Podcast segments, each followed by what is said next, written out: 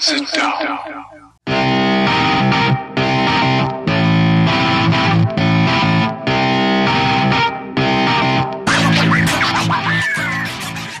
Witam wszystkich i każdego z osobna. Ja jestem Robert Kochan, a to jest Kochane NBA, najbardziej nieobiektywny podcast o najlepszej koszykarskiej lidze świata.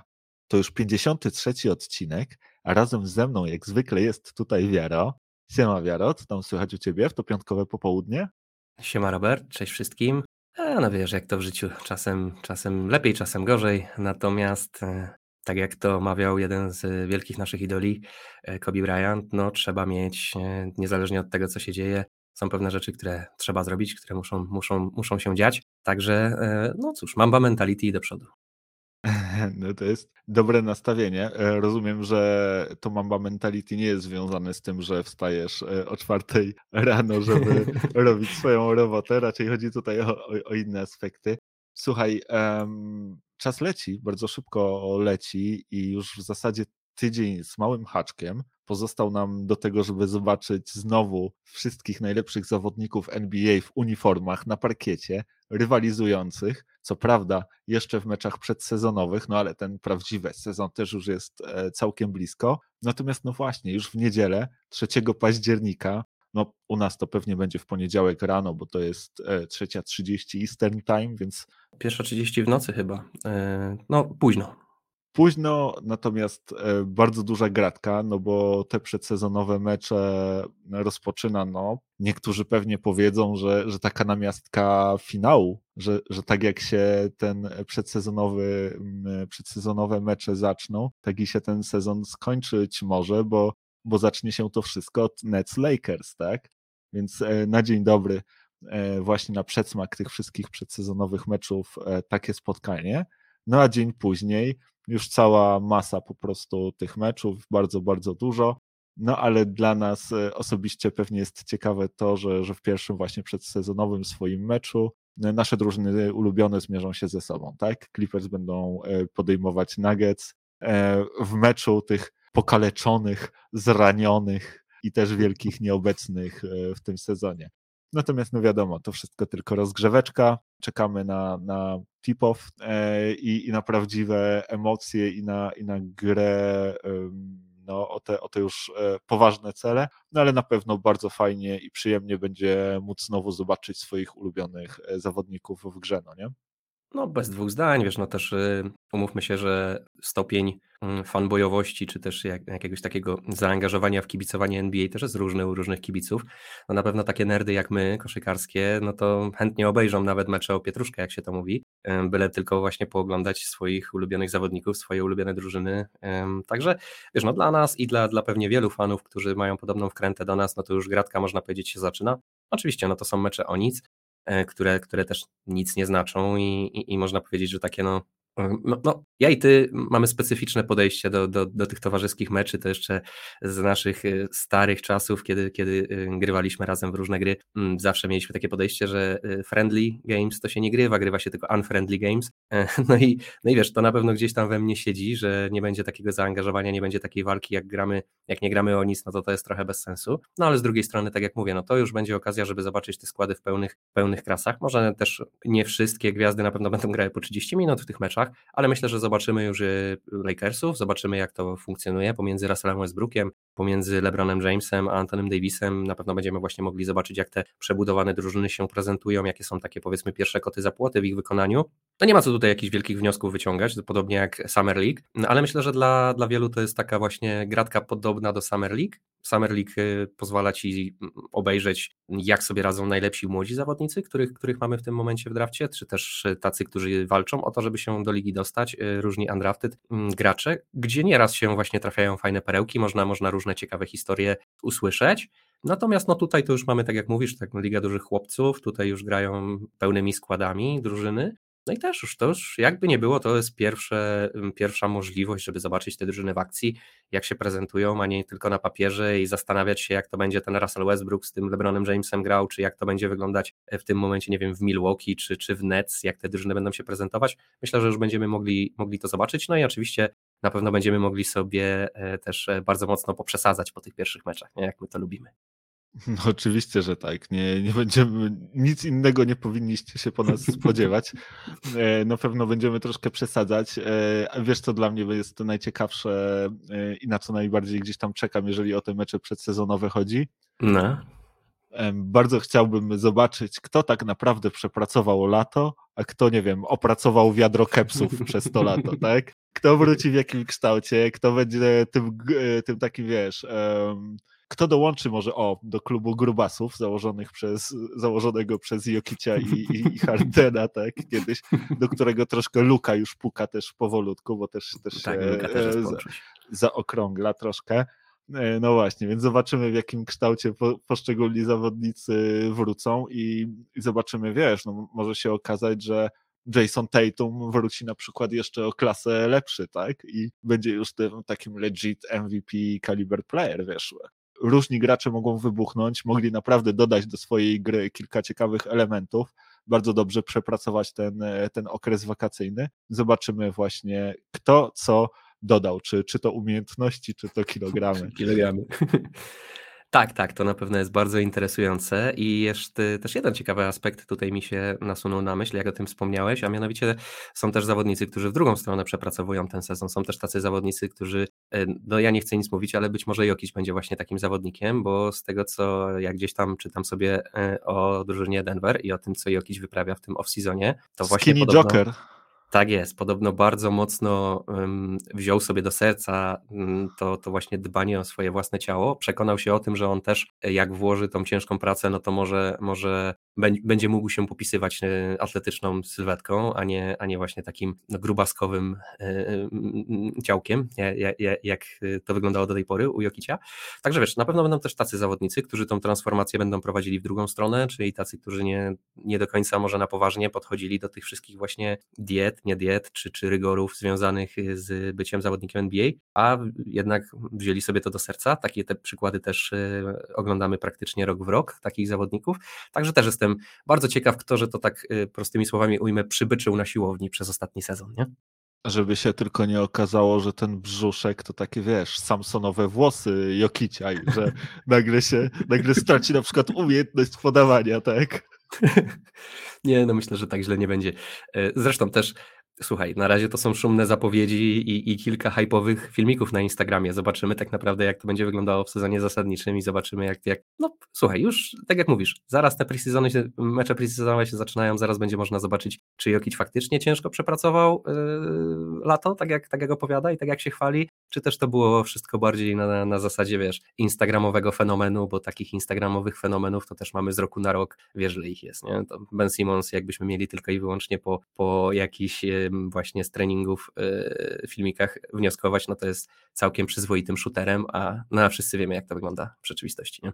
No widzisz, e, wywołałeś tutaj Bena Simonsa, bo ja właśnie tak szukałem takiego mostu pomiędzy tematami, tak, żeby, żeby jakieś było płynne przejście i pomyślałem, i pomyślałem sobie, że, że powiem o tym, że możemy wiele zobaczyć e, w tych meczach przedsezonowych, ale na pewno nie zobaczymy w nich właśnie Bena Simonsa, bo ten e, jasno dał do zrozumienia, tak przynajmniej twierdzą wszyscy święci NBA Twittera, tak, z Shamsem, z Wojem na, na czele, że Ben Simmons nie zamierza wracać do Filadelfii, nie zagra już e, ani jednego meczu w koszulce 76ers. Nie ma w ogóle najmniejszego interesu w tym, żeby, żeby z kimkolwiek tam stamtąd gadać, żeby z kimkolwiek się bratać. No on już tam położył na nich absolutną kreskę. No i pamiętasz, jakiś czas temu rozmawialiśmy o tym, że, że tak może być, że to będzie gra w kto pierwszy mrugnie z Darylem Morejem. No i okazało się, że Ben Simmons postanowił sobie włożyć dwie zapałki pod powieki i pokazać, że on tutaj nie mrugnie.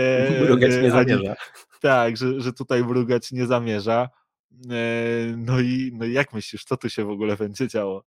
Wiesz co, to może być dla nas osobiście bardzo interesujące i można powiedzieć taka woda na młyn, bo prawdopodobnie będziemy o tej dramie jeszcze rozmawiać przez jakiś czas, będzie, będzie jakby cały czas dorzucane tutaj do pieca.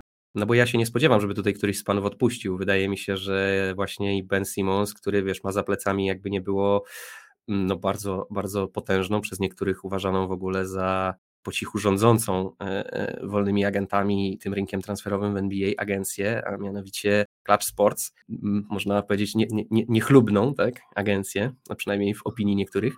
Yy, Można powiedzieć, że nawet taki, takiego czarnego charaktera NBA troszkę teraz, nie? No, Agencja, no, która nie boi dokładnie. się pójść na wojnę z klubami i, i po prostu w najbardziej agresywny sposób próbować właśnie zadziałać na, na korzyść czy dobro swojego zawodnika, tak? Otóż to, y, i, no, no i wiesz, oni są, stoją za nim murem, można powiedzieć. Ma tutaj pełne wsparcie swojego agenta i właśnie swojej mm, agencji.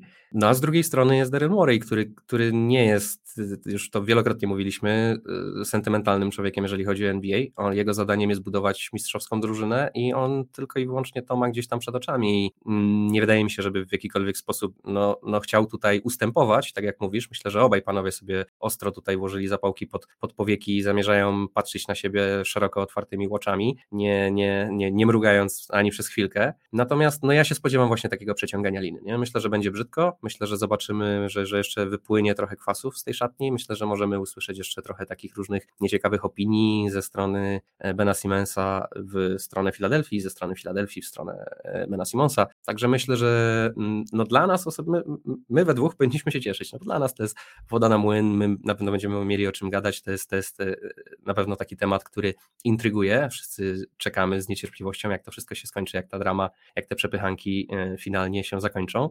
A wygląda na to, że będziemy jeszcze musieli się uzbroić w cierpliwość tutaj, bo no tak jak mówisz, no wszystko wskazuje na to, że to przeciąganie liny będzie trwało, Ben Simmons, tak jak mówisz, nie będzie się pojawiał na, na treningach, będzie, będzie robił wszystko, co w jego mocy, żeby nie dać od siebie nic tej drużynie, no z drugiej strony Filadelfia będzie pewnie podejmowała wszelkie możliwe kroki, żeby odzyskać jak najwięcej z tego, co zainwestowali w Bena Simonsa. Zapewne będą się sypać kary finansowe, e, zapewne będą tego typu przepychanki też między nimi. No zobaczymy, jak to się wszystko skończy. No ale na razie wygląda na to, że chyba nikt nie chce odpuścić w tym wszystkim. No, na to wygląda zdecydowanie. Ty wspomniałeś o tych karach finansowych, a to jednak jest tak, że, że widzisz, że tutaj za tym wszystkim stoi e, Clutch Sports i oni naprawdę są trochę evil i oni sprawili, że wcale Philadelphia nie ma tej przewagi, bo kontrakt Bena Simonsa jest tak skonstruowany, to jest jeden z niewielu kontraktów NBA w ten sposób skonstruowanych, że Ben Simmons już w tym momencie otrzymał 50% kontraktu e, na, na ten rok, Pierwsze 25 dostał bodajże 1 czerwca albo, albo lipca, e, kolejne 25 dostał niedawno, a następne 25% kontraktu ma dostać 1 e, października, czyli trzy dni przed rozpoczęciem pierwszego meczu preseasonowego Fili, więc możliwe, że zanim w ogóle nie pojawi się na, na pierwszym meczu, to, to już dostanie 75% pensji na ten rok, i co, i z czego go Fili będzie, e, będzie karać, tak? Z czego, z czego mu Daryl będzie odbierać, jak on już tak naprawdę trzy czwarte e, swojego, swojego kontraktu na ten sezon e, zarobił, więc to jest naprawdę ciekawie rozgrywane z jego strony. A trzeba przyznać, że Ben Simmons nie mało też zarabia, bo to jest pięcioletni kontrakt na 177 milionów dolarów. W samym tym roku 30,5 miliona zarobi Ben Simmons. W ostatnim roku tego kontraktu, czyli w sezonie 24-25 to będzie już 40 milionów, e, więc e, Ben już tutaj jakby mocno w tym sezonie zarobił, a przestać zarabiać nie zamierza, bo on, słuchaj, jeszcze chce ogolić Fili na odejściu od nich. To mnie tak zaskoczyło, przeglądałem sobie właśnie szczegóły kontraktu Bena Simonsa i zauważyłem, że on ma wpisaną klauzulę w swój kontrakt 15% trade kicker to jest e, najwyższy możliwy trade kicker, jaki jesteś w stanie wpisać w kontrakcie NBA, więc e, jeżeli Philadelphia zechce go wytradować jednak w końcu po tym, jak on ich do tego zmusi, nie przychodząc do nich, mając już całą kasę, będą mu jeszcze musieli zapłacić 15% z jego kontraktu. Ciekawe, ile z tego trafi do jego agenta, nie? Właśnie miałem powiedzieć, że stojąc z boku, ktoś mógłby powiedzieć, że agent tego zawodnika zrobił kawał świetnej roboty, nie? Stojąc z boku można też e, użyć kilku niecenzuralnych słów, e, obserwując to, co się dzieje, bo szczerze, ja nie uważam, żeby to było do końca zdrowe. No to jest absolutnie niezdrowe, to jest, wiesz, no... Yy no tak to niestety jest w świecie biznesu, kiedy, kiedy dwie strony podpisują jakąś umowę na lata i się wszystkim wydaje, że będzie to tak cacy i fajnie, no i jednak brakuje później tego profesjonalizmu, czy też ludzie wychodzą z założenia, że no jednak mój interes jest ważniejszy niż, niż twój interes, no i tak Filadelfia nie zamierza, wiesz, re, rezygnować ze swojego interesu, żeby być fair wobec Bena Simonsa, Ben Simons nie zamierza rezygnować ze swojego interesu, żeby być fair wobec Filadelfii, no i mamy gnój, no. Co tu dużo gadać. No zobaczymy, co na to powiedzą inne zespoły, tak? Bo taka sytuacja, jaka teraz się dzieje, sprawdza, że inne zespoły też patrzą na to i zastanawiają się, hej, okej, okay, gość ma talent, no ale ma też dużo znaków zapytania, czy chcemy jakby ryzykować bardzo dużo, czy nawet dużo, czy nawet cokolwiek, po to, żeby ten gość znalazł się w naszym zespole i mimo jakby swojego talentu, żeby przyszło z nim to wszystko, tak? Nie tylko on, ale też właśnie powiedzmy jego agenci, tak? I, i cały jego lifestyle, tak? I, I całe jego podejście i też te wszystkie właśnie znaki zapytania, o których wspomniałem, tak? Czy on w ogóle jest w stanie być e, point guardem, który mm, twoją franczyzę poprowadzi do mistrzostwa, tak? To o co zapyta no, jego, jego trenera e, w Filadelfii do Riversa i na co, na co on sam nie potrafił odpowiedzieć i co też tak naprawdę pewnie przelało czarę goryczy w tym wszystkim, nie? No, ale te pytania się mnożą i, i okazuje się, że popatrz, nie słychać tutaj jakoś szczególnie, żeby drużyny biły się o Bena Simonsa, nie?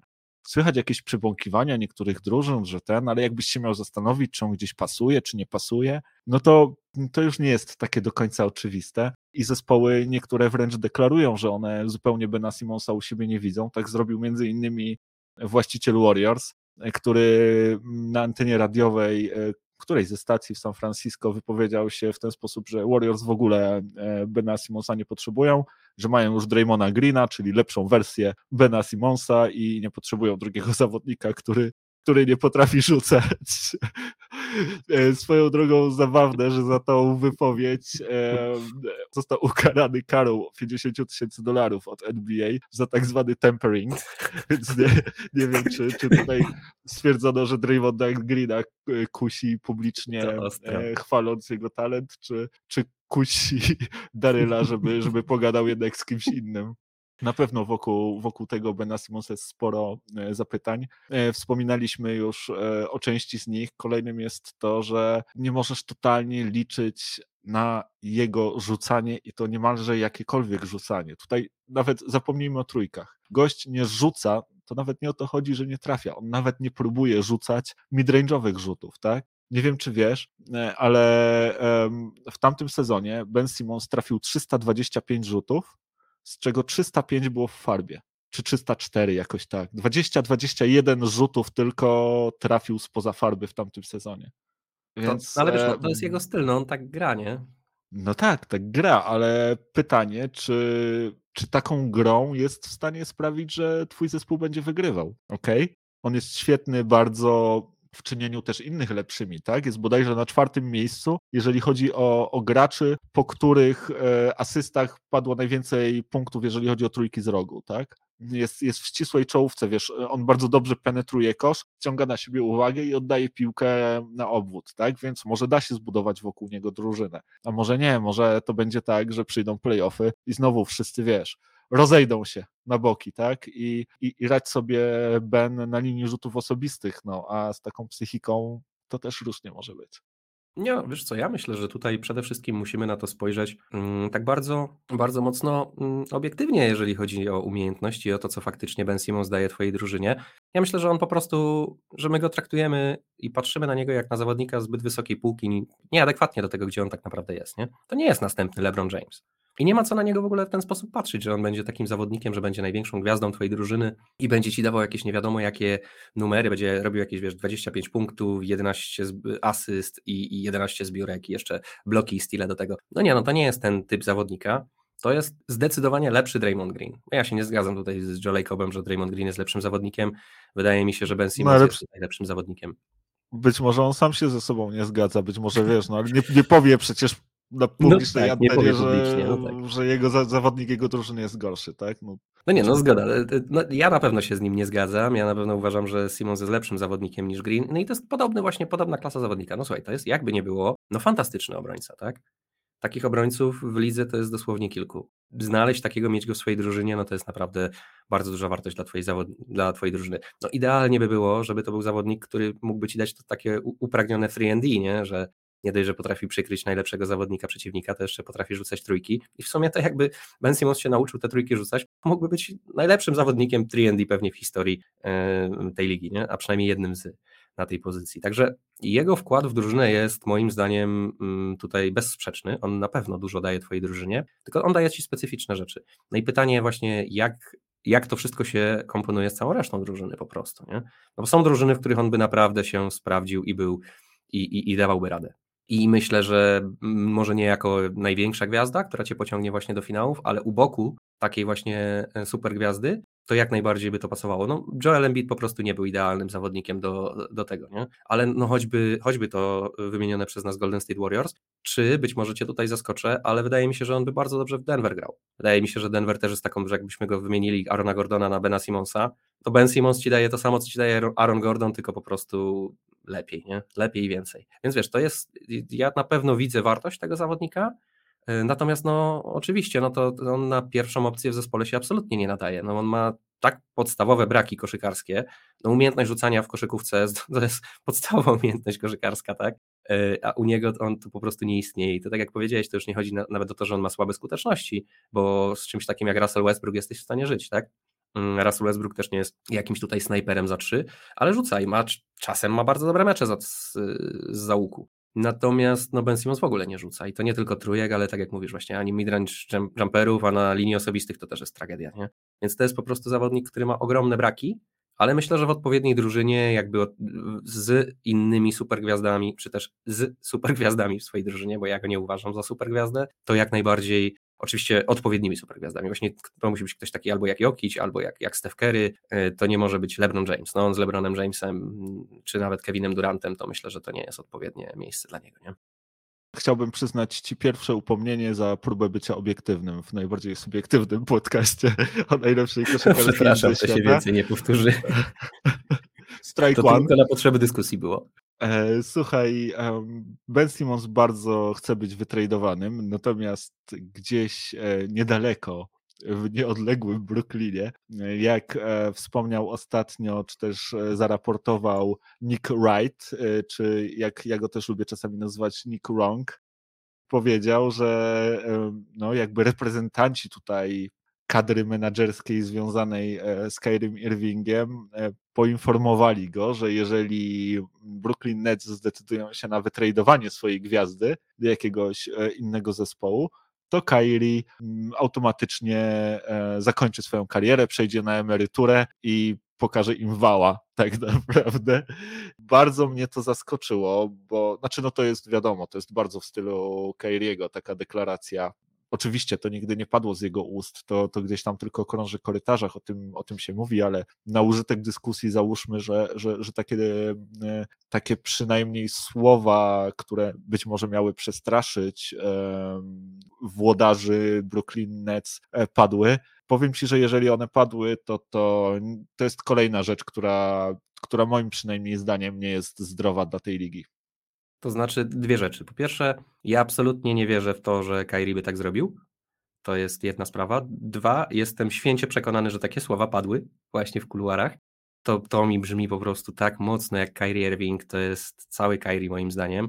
E, I wydaje mi się, że w ogóle jak przyszedł do tej swojej kadry menedżerskiej i powiedział im, co by chciał, żeby zrobili, to myślę, że też panowie tak powiedzieli takie pytające spojrzenia po sobie i, i, i też się zastanowili, co, co tu Kairi ma na myśli tak naprawdę i o co, o co znowu artyście chodzi. Mm, no nie, no to wiesz, no Kairi jest takim zawodnikiem, który już od dawna nie jest nie można go traktować jako profesjonalnego e, gracza NBA i podchodzić do niego jako, wiesz, właśnie taki przykład, nie? No to jest artysta i tylko tak należy na niego patrzeć. To jest diva, to jest, to jest gość, który potrafi robić na boisku rzeczy wielkie, ale jest po prostu odkręcony w pewien sposób, on ma swoje patrzenie na świat, on ma swoje priorytety w życiu, niekoniecznie koszykówka jest dla niego takim priorytetem, natomiast no jest no tak jak mówię, no jest na boisku po prostu artystą. No. I myślę, że to jest kolejny jakby taki przykład tego, tego, że on tym artystą jest nie tylko na boisku, ale też wewnętrznie się poczuwa właśnie jako taki, wiesz, no, no on ma różne tego typu emocjonalne akcje, że to tak ujmę i myślę, że tutaj też tak właśnie chciał zagrać e, gdzieś,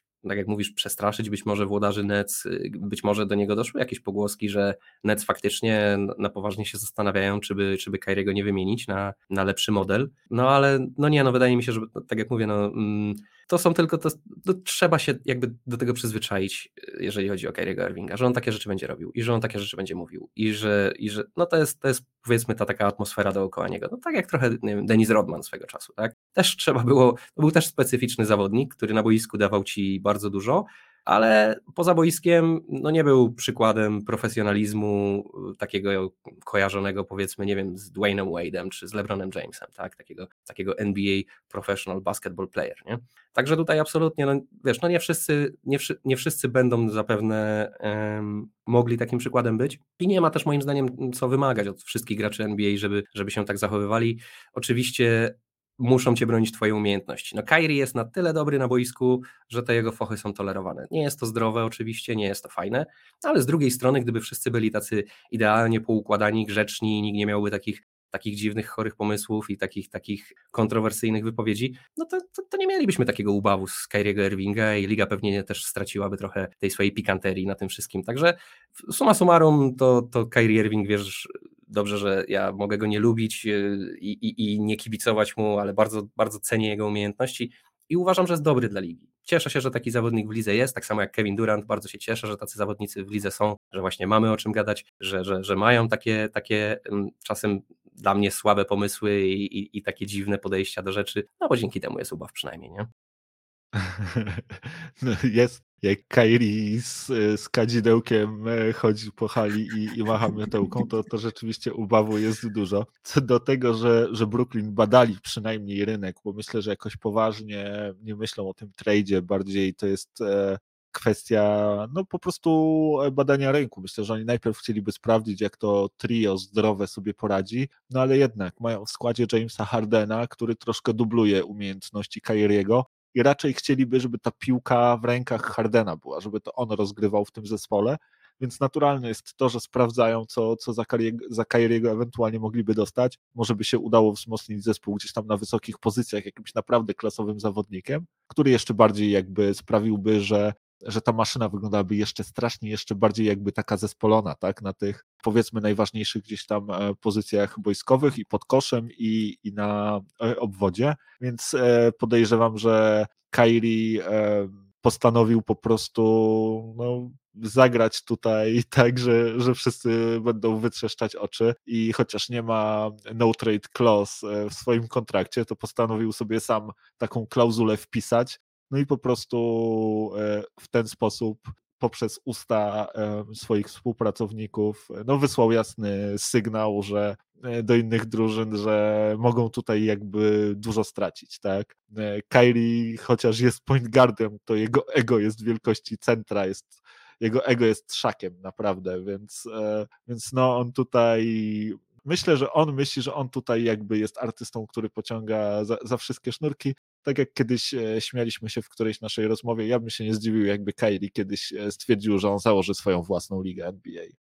Tak, no Kyrie to jest y, na pewno, na pewno taki charakter no mega ciekawy, także natomiast powiem Ci jeszcze jedną rzecz, na którą bym tu chciał zwrócić uwagę, a mianowicie cała ta historia jest y, myślę mocno optymistyczna, jeżeli jesteś kibicem Nets, bo to tylko pokazuje, że Kyrie naprawdę chce grać tej drużynie i, i ta kamrateria, ta, to braterstwo między nim, e, Durantem a Hardenem, to nie jest tylko na papierze gdzieś pisane, tylko chłopaki naprawdę mocno wierzą w to, że są w stanie podbić tą ligę razem. Także jakbym był kibicem Nets, którym oczywiście nie jestem, to pewnie bym był, e, pewnie bym się tutaj upatrywał jakichś takich cichych plusów, czy też, czy też optymistycznie patrzył na całą sytuację. Nie? No, rozumiem, e, rozumiem. Słuchaj, e, ciekawy news. E, na ciekawy news we wtorek trafiłem. Otóż okazuje się, że e, we wtorek upłynęło równo 30 e, lat od e, powołania, czy też po raz pierwszy zebrania składu Dream Team który, który potem wystąpił w 1992 roku e, na Olimpiadzie i który jest uznawany za chyba jedną z najlepszych koszykarskich drużyn wszechczasów bo, no bo zawodnicy, którzy, którzy byli członkami Dream Teamu, to jest top of the top, tak? E, Magic Johnson, John Stockton, e, Chris Mullin, Michael Jordan, Larry Bird, Clyde Drexler, Scottie Pippen, Charles Barkley, Karl Malone, Patrick Ewing, David Robinson i Christian Lettner, który po tak, prostu e, wygrał przygodę życia po prostu, że, że znalazł się w tym Dream Teamie, chociaż ja go ja wejdę na dobrą, jedyną słuszną i prawdziwą drogę historii i powiem, że Christiana Leitnera wcale tam nie było, że był tam Isaiah Thomas. No tak, wielka kontrowersja związana y, z tą drużyną, właśnie brak Isaiah Thomasa. No, różnie się o tym mówi. Oczywiście taka najbardziej prominentna teoria spiskowa jest y, taka, że to Michael Jordan nie chciał Isaiah Thomasa w tej drużynie. No, ja myślę, że to ja osobiście myślę, że to było na pewno to nie to jest był... teoria spiskowa, to jest prawda. Chyba sam, sam Jordan to potwierdził i jeszcze do tego wykorzystał e, słaby umysł Charlesa Barclaya, który powtórzył dokładnie to samo w telewizji, więc... E, ja nie wiem, jak to było. Y, mnie się wydaje, że na pewno to, że Jordan się z Isaiah Thomasem nie lubił, to był na pewno czynnik, który zadecydował o tym. Czyja to była decyzja, jak to tam dokładnie było, to już mniejsza z tym. Natomiast no, na pewno się to wszystko odbyło z powodów personalnych. Y, no i to oczywiście no, no duża ujma y, na, na, dla ligi, czy też dla osób, które decydowały wtedy o tym, no bo Isaiah Thomas jak najbardziej zasługiwał na to, żeby w tej drużynie się znaleźć. Natomiast faktycznie ciekawa jest tutaj historia Christiana Leitnera.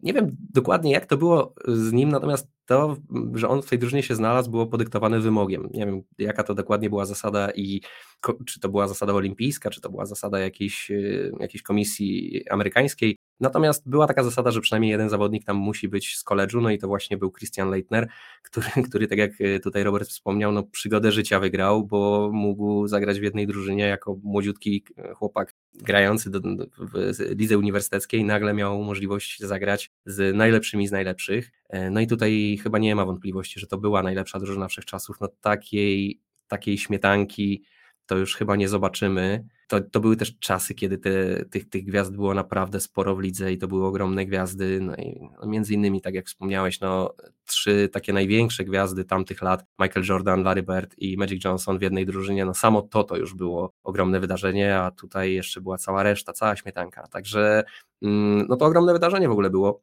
W przyszłym roku myślę będziemy mieli też e, sporo takich właśnie celebracyjnych różnych uroczystości związanych z, tą, z tym, że no nie wiem, będzie 30-lecie tego, że zdobyli złoto na tej olimpiadzie w 92 roku, więc na pewno będzie o tym dość głośno. E, no i słusznie, bo to, to był moment bardzo ważny dla ligi. To był moment, kiedy liga z ligi amerykańskiej stała się ligą globalną i, i pokazała całemu światu, jaki talent jak jest w NBA, jak dobrzy zawodnicy, jak fantastyczna koszykówka. E, no i można powiedzieć, że cały świat pokochał wtedy NBA nie? w tych latach 90. U nas w Polsce jest całe pokolenie, tak zresztą do którego my też należymy, które jest wychowane na tej, na tej koszykówce lat 90., na Chicago Bulls, e, czy, czy, czy na późniejszych prominentnych drużynach tamtych lat. I to stricte było powiązane z tą popularnością e, drużyny Dream Team właśnie na, w 92 roku na Olimpiadzie w Barcelonie. E, no, ogromną sensacją byli. E, może nie będę tutaj przytaczał wszystkich opowieści, bo tego jest naprawdę mnóstwo, także po prostu polecam wszystkim się zapoznać. Bodaj ESPN, tak, ESPN ma tą serię swoją 30 for 30, czyli to było 30 filmów na 30-lecie chyba ESPN i tam między innymi zrobili właśnie taki film dokumentalny o tym Dream Teamie. Polecam wszystkim fantastyczny kawałek historii koszykówki, stricte związany właśnie z NBA.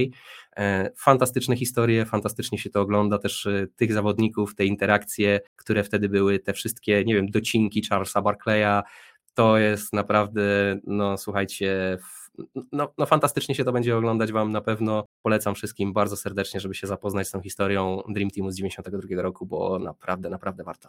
No zdecydowanie tak. Pojawienie się mm, tych najlepszych zawodników e, na arenie światowej no, było dla wszystkich e, no, ogromnym zaskoczeniem. Tak? Cały świat e, otworzył usta ze zdziwienia, podobnie jak zawodnicy Angolii, kiedy stanęli właśnie naprzeciwko Dream Teamu. No, to była naprawdę siła, z którą żaden zespół świata nie mógł się za bardzo mierzyć. Tak? Naprawdę fantastyczni zawodnicy i tutaj no w zasadzie którego nazwiska byś nie wyciągnął, to, to po prostu absolutna gwiazda. Tak? Więc super, fantastyczni zawodnicy.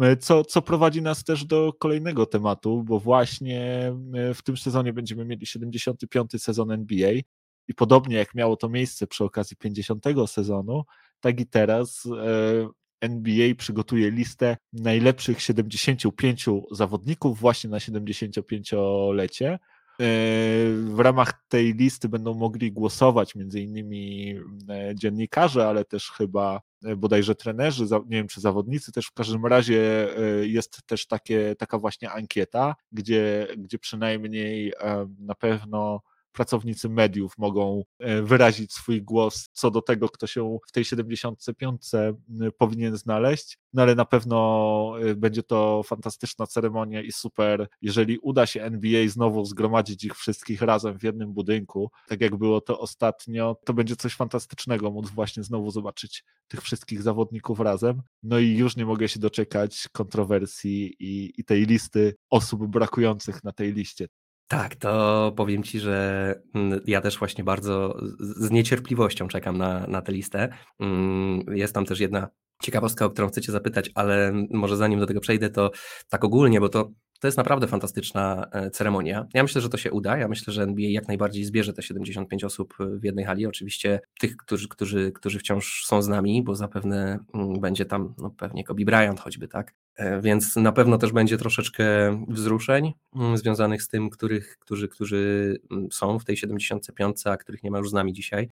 No ale też na pewno będzie fantastyczne, tak jak mówisz, no, jak oryginalnie udało się zebrać lidze właśnie tych 50 zawodników, to to naprawdę był taki, taki wielkopomny moment dla ligi, tak? 50 najlepszych w historii e, na jednym parkiecie i, i, i gratulacje odbierali, przyznawane były e, e, tam, już nie pamiętam, czy medale, czy ordery, czy no generalnie tak ceremonia była naprawdę bardzo fajna.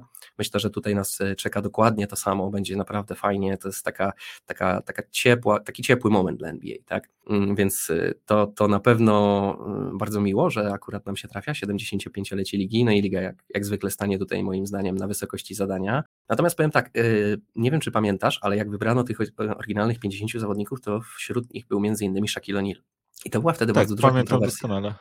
Tak, to była właśnie Kur... bardzo duża kontrowersja wtedy, nie? No tak, bo w zasadzie młody gracz, który dopiero co dołączył do ligi. Nie pamiętam jak on jeszcze wyszedł w tej, bo tam oni mieli te kurtki takie właśnie nawiązujące tak, tak. do swoich zespołów, jak właśnie wyszedł w tej kurtce jeszcze Orlando. E, taki młody byczek e, i, i to była wtedy kontrowersja, ale okazała się to też być świetna przepowiednia. Dokładnie tak. I w związku z tym e, chciałbym Cię zapytać, czy widzisz jakąś taką przepowiednię e, tym razem? Czy, czy będzie jakiś taki młody zawodnik? E, ja myślę, że jest jeden kandydat, który, którego możemy zobaczyć w tej 75. Wątpliwe to jest moim zdaniem, ale myślę, że może to być Janis. Może to być Janis. Jak najbardziej może to być Janis. Janis tam moim zdaniem już należy Pewnie, Je, jeżeli patrząc przynajmniej na te, na te ostatnie lata, no to no i na to, co jeszcze Janis może osiągnąć. Prawdę mówiąc, byłem pewien, że powiesz Luka. A, widzisz? A widzisz? Czyli mamy, mamy drugą taką przepowiednię. Nie pomyślałem szczerze mówiąc o Luce, chociaż to wydaje się być oczywiste, e, ale to być może dlatego, że pomyślałem o tym dosłownie 5 czy 10 minut temu, jak, jak mówiłeś o, o całej tej ceremonii. E, więc y, tak, jak najbardziej. No, Luka, Janis to mogą być takie właśnie wybory, które być może będą bardzo kontrowersyjne na dzień dzisiejszy, ale mogą, mogą właśnie być y, bardzo trafną przepowiednią, tak jak to było w przypadku Szaka. No tak, zdecydowanie. Znaczy, żeby była jasność, ja myślę, że Luka nie. Myślę, że Luka jakby za mało osiągnął, tak? Że ktoś, kto Szak chyba wtedy przeszedł pierwszą rundę playoffów, nie?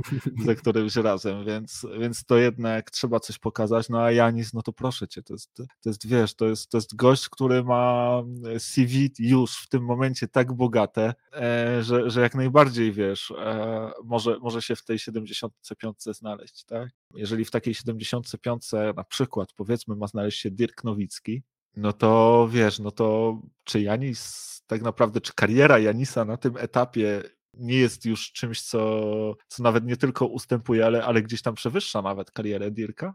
No, jak najbardziej. Ja myślę, że Janis tutaj, no, no dlatego mi Janis właśnie do głowy przyszedł jako pierwszy, tak? Że Janis naprawdę mamy moim zdaniem duże szanse, żeby znaleźć się wśród tych 25 najlepszych zawodników ostatnich 25 lat, bo w sumie w ten sposób można też na tą listę spojrzeć, na tę listę. Więc yy, ja się tutaj dopatruję Janisa. Czy słusznie? No moim zdaniem słusznie. No Janis to jest, yy, ja myślę, że to jest bardzo podobny przypadek właśnie do Szaka, nie? że to już widać, że to będzie jeden z 75 najlepszych zawodników w historii tej ligi. Nie? Już pokazał, już wygrał mistrza, już ma dwukrotny MVP, yy, a, a dopiero ile? 25 lat, 26 lat? Ileż Janis ma? Chyba 26, teraz będzie zaczynał 27 rok albo, albo jakoś tak. No jakoś tak, no młodziutki w każdym razie zawodnik, jeszcze z co najmniej 10 lat kariery przed nim, oczywiście jeżeli będzie zdrowy. Także mm, no ja myślę, że to, to, to tutaj się dopatruje y, też takich tematów, pewnie będziemy o tym rozmawiać, pewnie będzie o tym głośno w mediach, jeżeli Janis faktycznie zostanie wybrany do tej 25, a myślę, że będzie, nie? No, pewnie Harden to jakoś skomentuje. Myślę, że po tym jak teraz jeszcze Janis wcześniej zdobył tytuł od niego, to ten beef się jeszcze powiększy. Myślę, że tak. No tam, tam jest srogo między chłopakami. Ale z drugiej strony, jakżeż fajnie się to ogląda i czyta, nie? No zdecydowanie tak.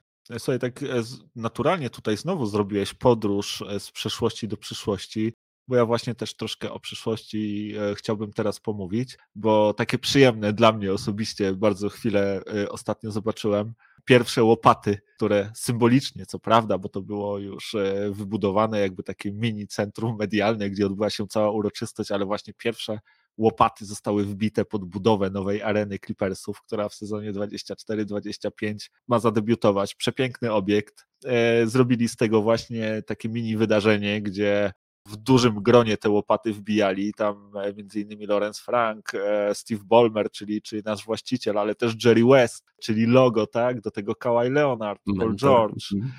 Tai, tai Lu, wszyscy wiesz, wbijali swoje łopaty w symboliczny taki pas E, ziemi właśnie, że, że to niby się zaczyna i w ogóle fajna uroczystość e, bardzo ciekawa, przyjemnie gdzieś tam się oglądało urywki z tego, natomiast też e, parę memów powstało, jak tu zwykle wszędzie, gdzie się Kałaj pojawi, bo okazało się, że w ramach jednej z przerw występował bodajże jakiś, nie wiem, punk rockowy zespół, ale taki typowo punk rockowy, więc chyba nie trafił w gusta ani Kałaja, ani Paula George'a, no i zostali przyłapani na zdjęciu, jak mają srogo znudzone miny i pod, podpierają brody. Nawet, e, nawet LeBron to skomentował na, na swoim Twitterze gdzieś tam radosnymi, po prostu płaczącymi e, emotkami. E, no, no dali się chłopaki przyłapać, ale jak mówię, nie pokazuje to e, całej Zabawne tej uroczystości.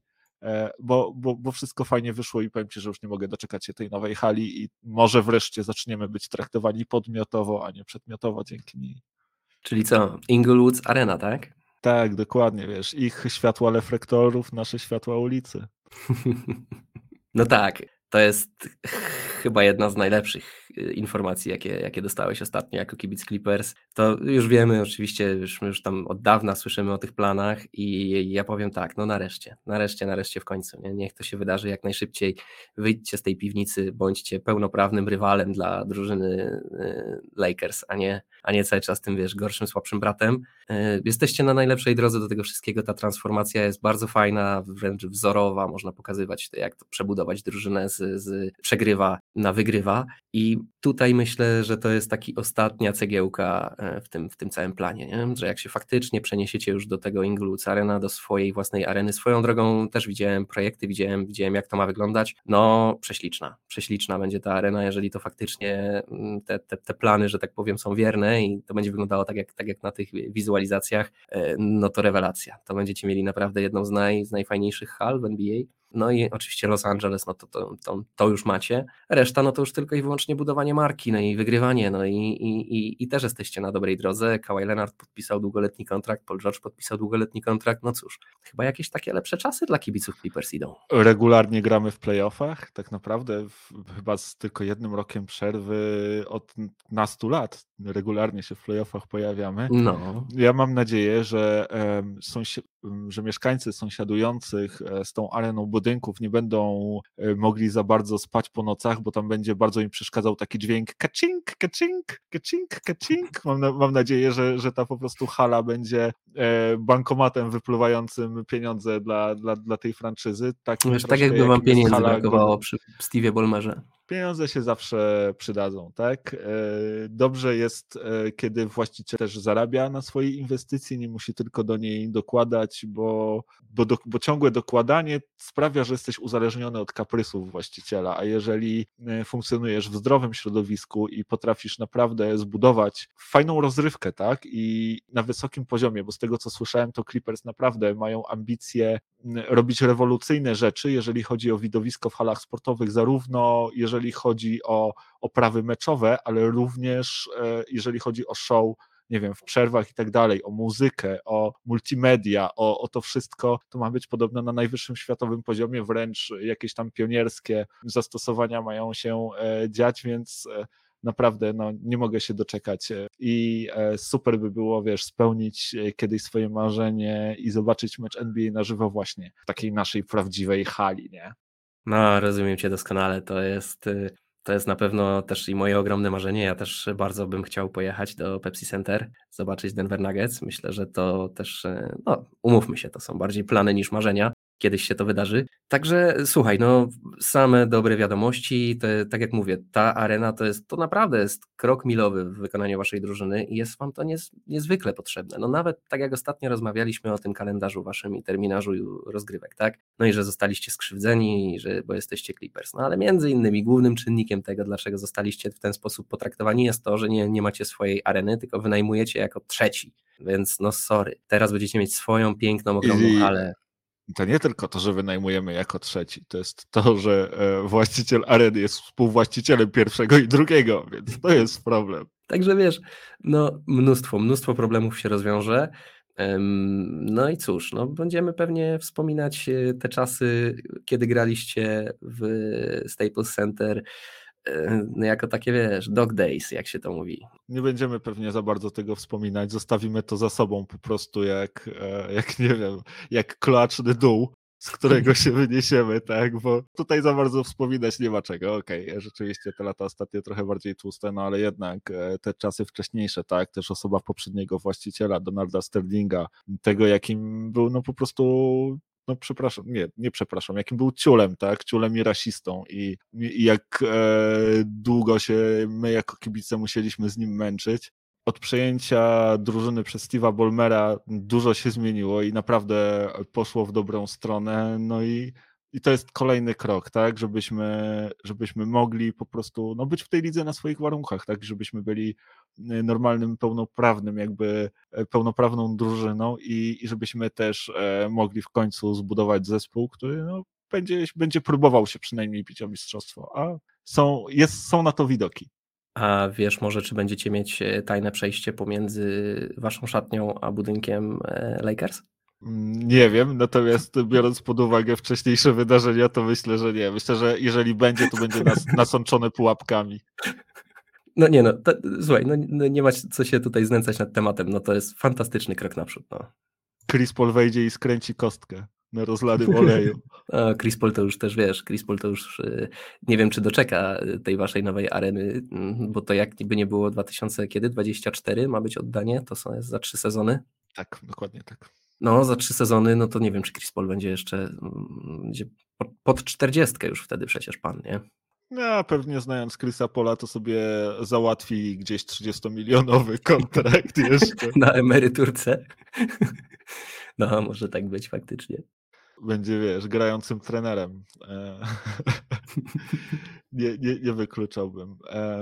Dobra, słuchaj, może ostatni temat, którym e, dzisiaj się zajmiemy, e, wiadomość, która gdzieś tam zaskoczyła mnie trochę w ciągu ostatnich dni, bo e, raczej to nie jest też rejon, w którym gdzieś tam wszystkie oczy fanów NBA się, się kierują, natomiast wiemy też, że wśród słuchaczy mamy fanów e, tego zespołu. Mówię tutaj o, o Minnesota Timberwolves, no bo e, niby taki okres jeszcze troszkę że nic się trochę w tej lidze nie dzieje, a, a Wolves się dzieje, się dzieje. Właśnie zwolnili swojego prezydenta e, do spraw operacji koszykarskich, czyli Gersona e, Rosasa. E, po dwóch latach pracy, bo on od 2019 roku był zatrudniony, po, po tych dwóch latach został właśnie zwolniony. On wcześniej przez 17 lat pracował w Houston Rockets, gdzie, gdzie taki jego najlepszy czas pracy to był właśnie ten pod Darylem Moreyem no właśnie, potem postanowił na własną rękę e, w Wolves spróbować, ale Wolves chyba niezadowoleni. E, liczyli na coś więcej w tym off-seasonie, przede wszystkim z tego, co ja przynajmniej słyszałem, e, bardzo liczyli na wzmocnienie zespołu na pozycji power forwarda.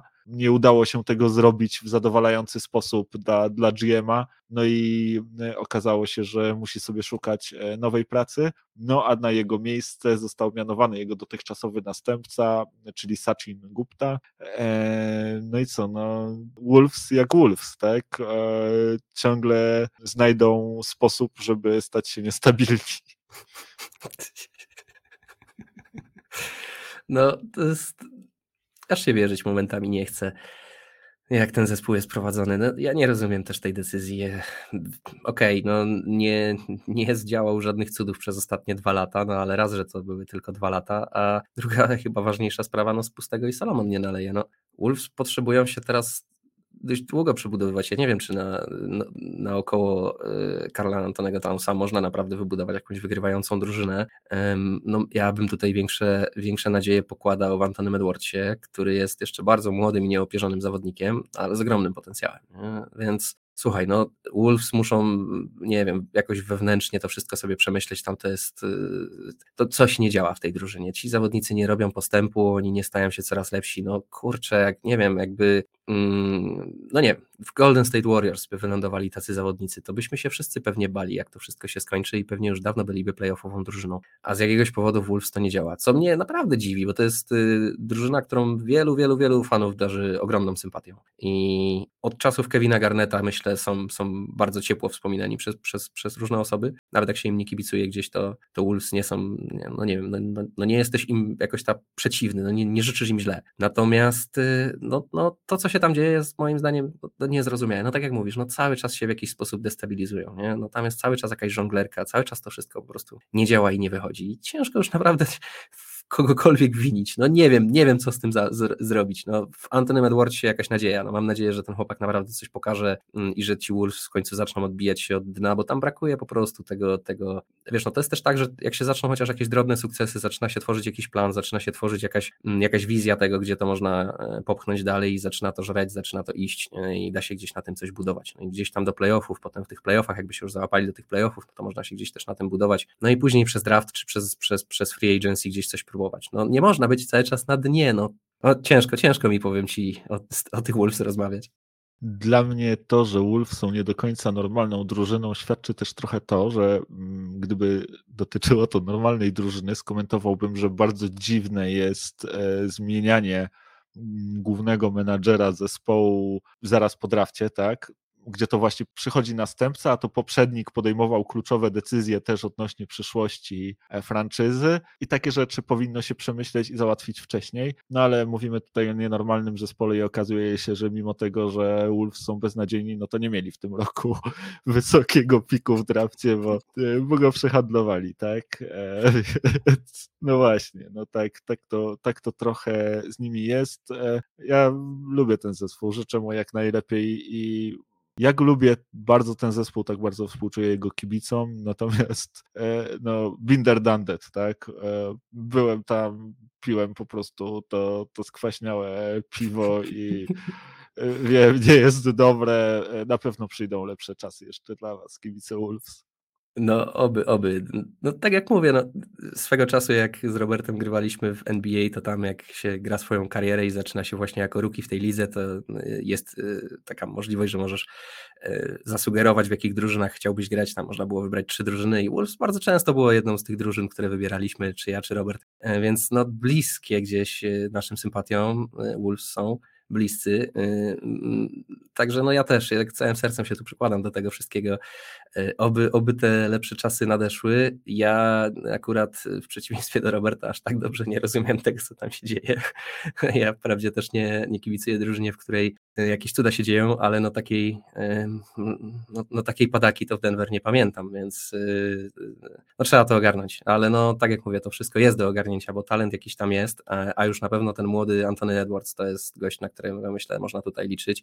No i trzeba, trzeba myśleć w perspektywie kilku lat, że tą drużynę da się przebudować. No. Pewnie, że się da. Ogarnął to może. Właśnie, właśnie może budując się wokół, wokół Edwardsa, którego talent pewnie w tym sezonie rozbłyśnie jeszcze jaśniejszą gwiazdą.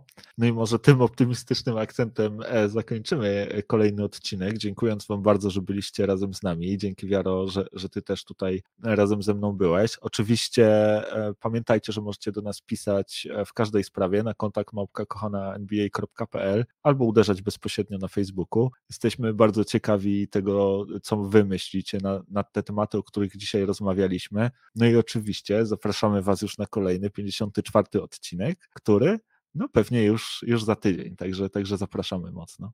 No, nic dodać, nic ująć. Trzymajcie się cieplutko i do usłyszenia za tydzień. Cześć. Trzymajcie się ciepło, cześć.